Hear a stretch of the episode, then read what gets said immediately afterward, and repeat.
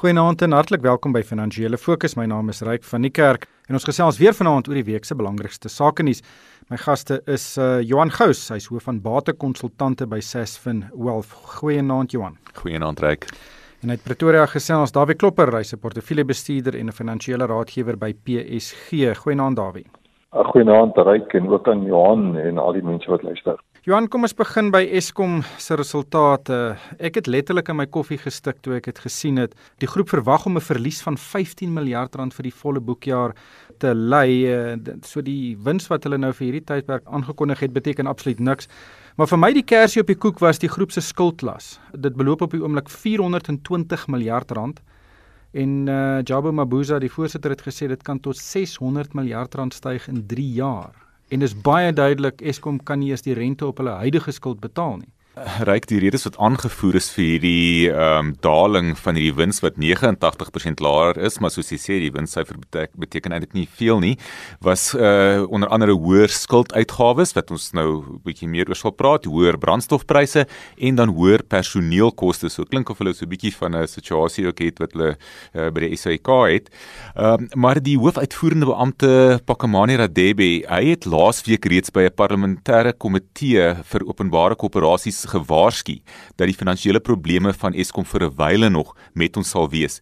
En die skuldprobleem soos jy genoem het, dit gaan groei van die huidige 420 miljard rand, um, hy het gepraat van 'n syfer van 550 miljard rand en dit kan definitief nog hoër wees.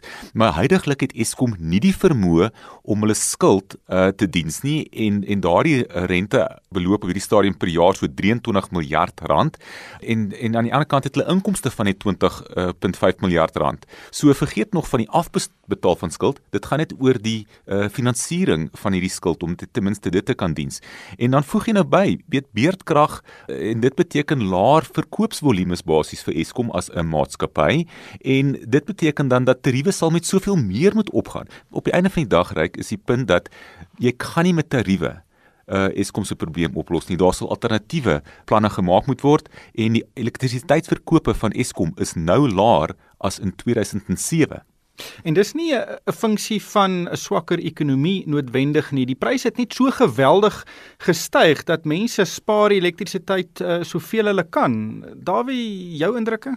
Ja, inderdaad is hierdie 'n bankrot besigheid. As hy op die beurs genoteer was, sou hy nou opgeskort gewees het glo ek of sy pryse bitterlik laag gewees het. En dan die ander ding is net wat my hinder van die opmerkings en die kommentaar wat gelewer word ook op die op die vergadering is dat daar nie werklike antwoord is vir die om die probleem aan te spreek nie. Daar word amper maar net gesê hoe so ons het, ons is in doodloopstraat. Ons weet nie wat om te doen nie.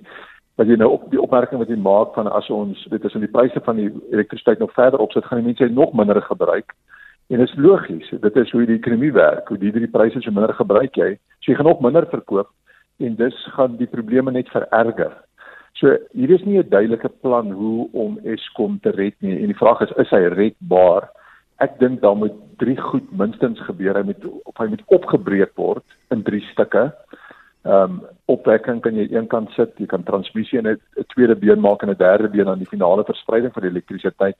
En op dië manier kyk of jy dit kan jy dan die besigheid dink ek die bedryfsbesigheid red. Hoe wat ons met die skuld gaan doen, weet ek nie. En dieselfde probleem geld vir SAL waar daar te veel skuld is om dit om die besigheid toe te maak want dan plaas dit die staat in die moeilikheid.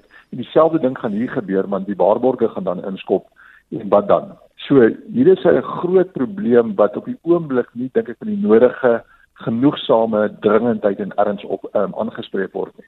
Ja Johan, maar is 'n groter prentjie en en en soos Dawie nou gesê het, daar is nie eintlik 'n oplossing op die tafel nie. Almal het verwag dat daar dat daar nou 'n reddingsplan aangekondig sou word of 'n strategiese regrukplan. Maar as mens kyk na die SAL, hulle het nou weer vir 17 miljard rand gevra. Maar Eskom wat natuurlik 'n geweldige be belangrike speler in die Suid-Afrikaanse mark is van dit hou die ligte aan. As ja. as die SAL vou ja. dan vlieg jy maar net op 'n uh, ander redery, presies ja. Ehm um, en en die die geld wat hier gaan nodig wees om Eskom te red, gaan die reddingspakkette vir die SAL na kleingeld laat lyk.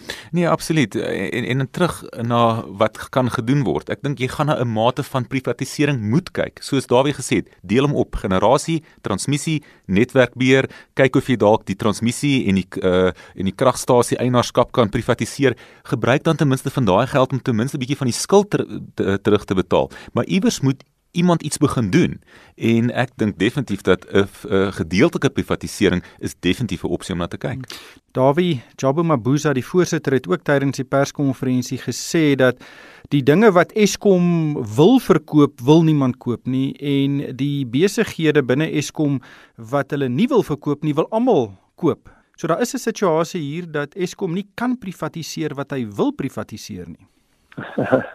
Ja, inderdaad, ek hoor jou um, en en dit is waar, weet, jy gaan nie die goed wat tog verlies, duidelik verlies makend is op die oomblik probeer, uh, wie gaan dit wil koop? So jy gaan moet 'n totale nuwe strategie um, na die tafel te bring en jy moet miskien maar gaan kyk wat dit internasionaal gebeur en hoe doen hulle dit internasionaal? Want die die privatiseringsopsie sal nou dringend op die tafel moet kom want anders het ons 'n probleem vir die ekonomie. Ehm um, uh, dit is mens ook nog dit saamlees met wat Johan Rupert gister in die week gesê het oor sy uh, met sy jaarvergadering van Rembrandt Rengo, dan besef jy net die potensiële probleme in die plaaslike ekonomie is baie diep terwyl ons eintlik op die punt is waar ons wil begin hoop dat dinge kan beter gaan. Ehm um, ons moet dringend planne kry. Ja, maar Dawie uh moet moet moet is 'n groot woord. Uh dink jy daar's enige politieke wil om uh privatisering in werking te stel? Dit sal 'n geweldige beleidsverskywing van die regerende party wees. Ek hoor jou en en ek besef hoe, hoe moeilik dit gaan wees om dit polities deurgevoer te kry. Ek dink wat dalk hier gaan gaan gebeur, dit dalk moet gebeur, maar wat dalk gaan gebeur is ons kan 'n kredietafgradering kry. Wat gaan beteken dat die ons op daai punt kom waar daar 'n katastrof tipe van is, daar genoegsame erkenning gegee moet word aan dat ons die probleme het en dat ons ander oplossings moet kry. Dit help nie jy doen oor en oor dieselfde ding en hoop op 'n ander uitkoms nie. Maar dit gebeur duidelik nie. So en dan raak die skuldsituasie net in terme van Eskom een aspek om dan nog verder uh, teen hoër uh, kostes dan te gaan geld leen in die buiteland as gevolg van jou laer kredietgradering, dan begin jy nou groot syfers te praat. Maar ons ons is daar wat ons moet oplossings kry wat sosialisme of elemente van staatsbeheer gaan nie hier vir ons die antwoorde gee nie. Ja. Katarsis is 'n mooi woord maar in hierdie konteks is dit uh eintlik baie baie hartseer. Gevaarlik. Ja, baie gevaarlik. Johan president Ramaphosa het hierdie week die minimum loonwet geteken. Uh en dit beteken dat uh, die minimumloon nou so wat R20 per uur beloop. As jy 8 ure op 'n dag werk, is dit R160 vir 'n dag en dit werk ook uit op omtrent R3500 'n maand. Nou, ek is 'n nuwe liberaal, ek glo in die vrye markstelsel en uh maar R20 'n uur is sekerlik regverdig. Ja, ek dink nie dit is 'n baie baie stelling om te maak. Die feit is ryk dat daar in baie van die sektore reeds meer as R20 betaal word. So dis nie en ek dink hulle praat soos hulle praat, hulle sê wat hier aangespreek is is meer die tipe van bakkie brigade tipe van werkers ehm um, wat in diens geneem word. En dit is wat hulle probeer ehm um, uitroei. So, maar die feit is ryk 6 miljoen uh, werkers word geraak op hierdie stadium deur hierdie minimumloon uh, wat nou ingetree het want ehm um, jy weet hulle het almal onder die vlak van ten minste dan 3500 per rand per maand verdien tot op hierdie stadium. Uh, en daar was daar was vers, verskillende ehm um, kom ons sê gevoelens gewees oor hierdie uh, wetsontwerp. Nomsa het byvoorbeeld nie dit aanvaar nie. Hulle sê die gaping tussen werkers en die hoofuitvoerende amptes van maatskappye is nog steeds te groot. Die EFF natuurlik het hulle dit nie aanvaar nie. Wie sal ooit weet wat sal genoeg wees vir hulle? Maar Kusatu was tog redelik tevrede gewees met die uitkoms. So dit was interessant te sien dat daar tog verskillende tipe van gevoelens rondom hierdie kwessie was. Maar daar weet dit sokke debat tussen jene ons het 'n uh, 25 of 27% werkloosheid in Suid-Afrika uh en dan aan die ander kant sit jy met werkgewers wat dit dalk kan uitbuit. Uh dink jy die die die die minimumloon is 'n bietjie van 'n 'n middelveld of 'n middelpunt? Ek dink dit is die poging wat wat aangewend word om met hierdie relatief lae loon dan ehm um, tog op 'n middel op hierdie middelvlak um, in te tree. Die vraag is net, gaan dit nie tog op 'n manier tot ekstra werkloosheid lei nie en gaan dit werklik armoede oplos? Is dit die antwoorde hoe om armoede aan te spreek want ek sien dit is van die argumente wat gevoer word, dit sal nou help om armoedeverligting um, te bewerkstellig. En dan die ander vraag wat mens moet vra is hoe gaan dit geïmplementeer word en gaan dit hoe gaan dit gepolisieer word?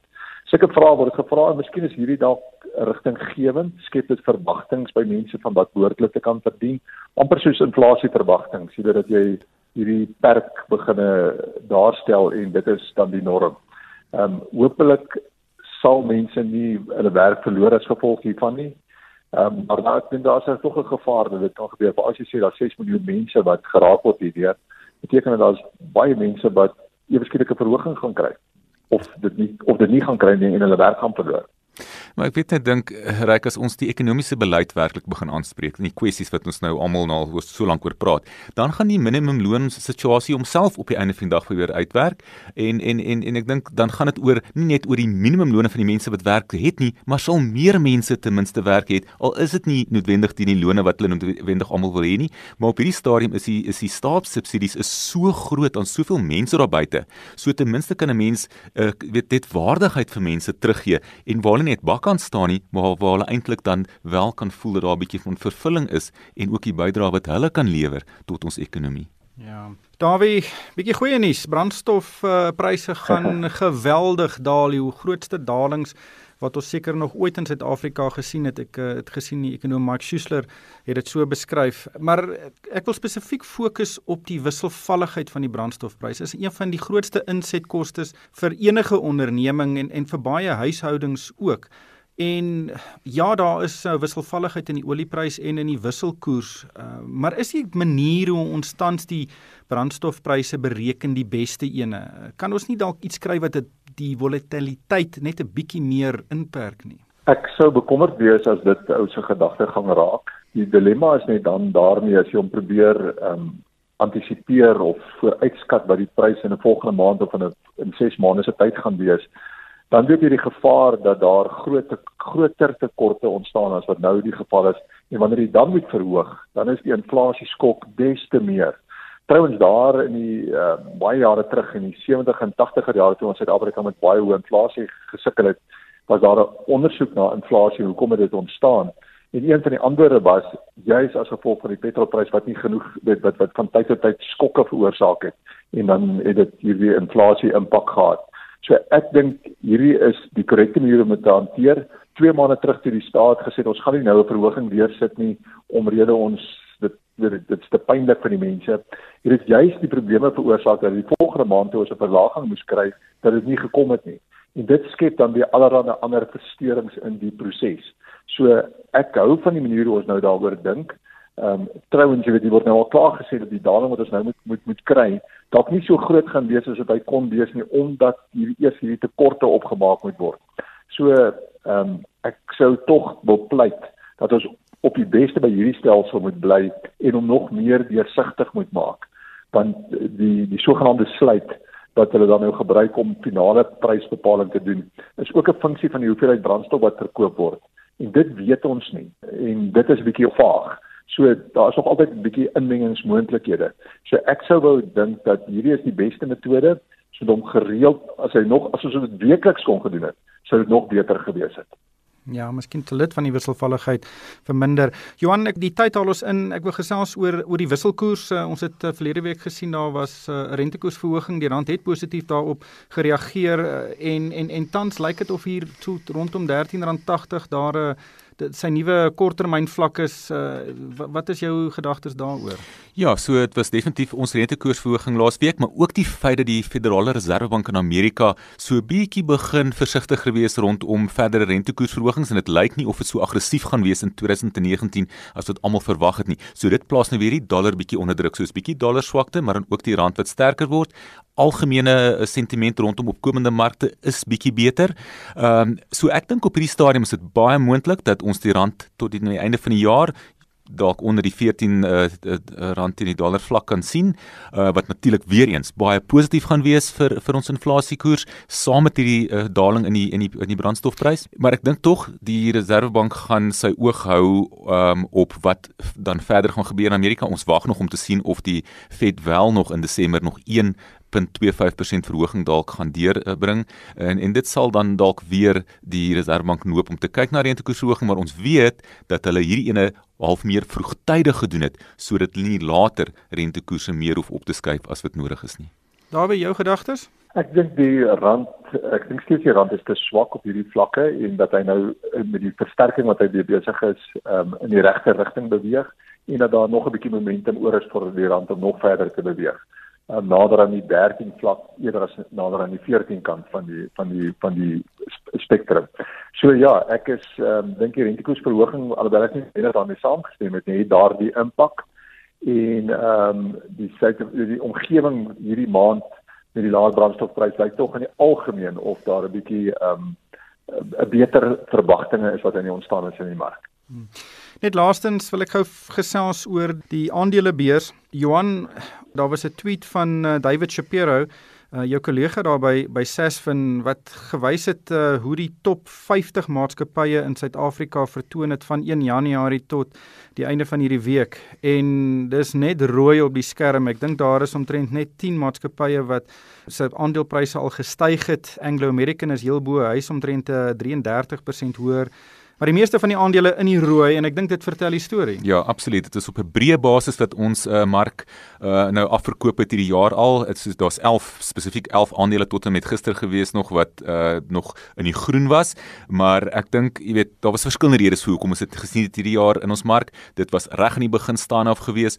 Toe was daar kwessies gewees rondom wat met Brexit aangaan, toe sit die Fed en die handelsorganisasie of die handelsooreenkomste en um, op hierdie stadium dink ek wil almal eintlik net hierdie jaar afsluit en wil almal eintlik al net begin kyk na wat kyk ons na in 2019. Hmm. Maar Dawie, daar's 'n paar maatskappye wat baie swak gevaar het wat mense nie dink moes so swak vaar nie. British American Tobacco is 40% laer. Uh jy kyk na 'n maatskappy soos Reinet 21% laer. Uh en uh Richmond ook 18% en en dis nie net 'n wisselkoers storie hierdie. Daar's baie maatskappye wat ek nie weet hoekom hulle so erg geval het nie uh, onder andere dan elemente van die wisselkoers maar verseker die vooruitsigte vir hierdie maatskappye is aan die verander. Die tabakmaatskappye het nou hierdie regulatoriese druk wat op hulle geplaas word. Richmond die verkope van horlosies ehm um, sukkel hulle meer om dit aan die gang te kry. Mense se se mode se se vertoning van welvaart waar horlosies 'n groot rol gespeel het, dit verander die die manier hoe mense dit wil toon. Hulle wil eerder 'n eksklusiewe reis gaan onderneem as 'n duur horlosie dra, 'n duur fiets koop eerder as 'n duur horlosie koop. Ehm um, die klas van dinge is aan die gebeur en dit het 'n impak op Richmond. Ehm um, so kan mens heelwat van die maatskappye wat nou die afgelope jaar swaar getrek het, vat ook AB InBev byvoorbeeld, 'n ou staatmaker, sy pryse het wesentlik gedaal omdat hy te duur was natuurlik op 'n stadium en sy die waardasie vlakke is aangepas na laer vlakke toe en dit en dit het dan eenvoudig die impak dat die aandeleprys geweldig daal saam met 'n bietjie van 'n versterking van die rand en die impak is nog groter. Ek dink dit is belangrik dat jy dit raak sien vir wat dit is en vra wat Johan nou begin vra is, hoe gaan die hierdie goed volgende jaar um, uitspeel en watter rigting gaan wat gaan die drywers van die mark dan word?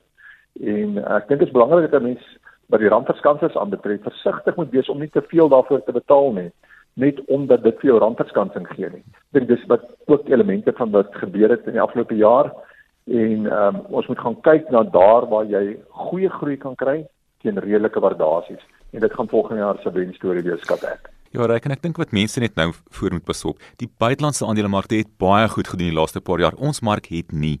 So moenie nou as jy nou kyk na die toekoms, 'n uh, vashak en sê maar dis nog steeds waar jou fokus moet wees op die buitelandse markte nie. Ons sit met 'n 9 jaar bullmark wat bietjie lank in die tand begin raak. As ek nou begin kyk na wat is die moontlike geleenthede teenoor die risiko, gaan ek definitief na van ons plaaslike aandele begin kyk en dit gaan nie noodwendig gaan oor die randverskansingskomponent nie. Ongelukkig hierdie tyd ons ingehaal. Baie dankie aan Dawie Klopper.